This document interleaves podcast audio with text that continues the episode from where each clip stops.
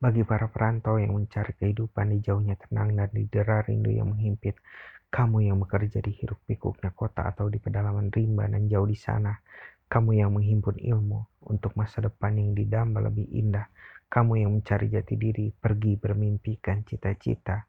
Fitrah manusia adalah berusaha, berusaha lebih baik, berusaha lebih mapan, mapan hati, mapan ilmu, mapan spiritual, mapan harta. Kau insan rapuh, pergilah dengan ambisi dan kembali dengan keteguhan pribadi, dengan kebanggaan dan tetap membumi, melihat dunia menjadikan kau lebih luas pandangan akan perspektif kehidupan, menjadikan kau tahan akan benturan, tahu cara menghadapi cobaan yang datang, tidak gampang dan yakin karena tebalnya pengalaman dan keluasan jiwa. Ingatlah setelah semua tergapai dan kalian telah berhasil menaklukkan kehidupan, Lihatlah jauh ke belakang tentang indahnya subuh ketika ibu membangunkan sholat dan menyuruh bersegera mandi. Ingatlah akan sore di mana satu bola dijadikan kebahagiaan bersama.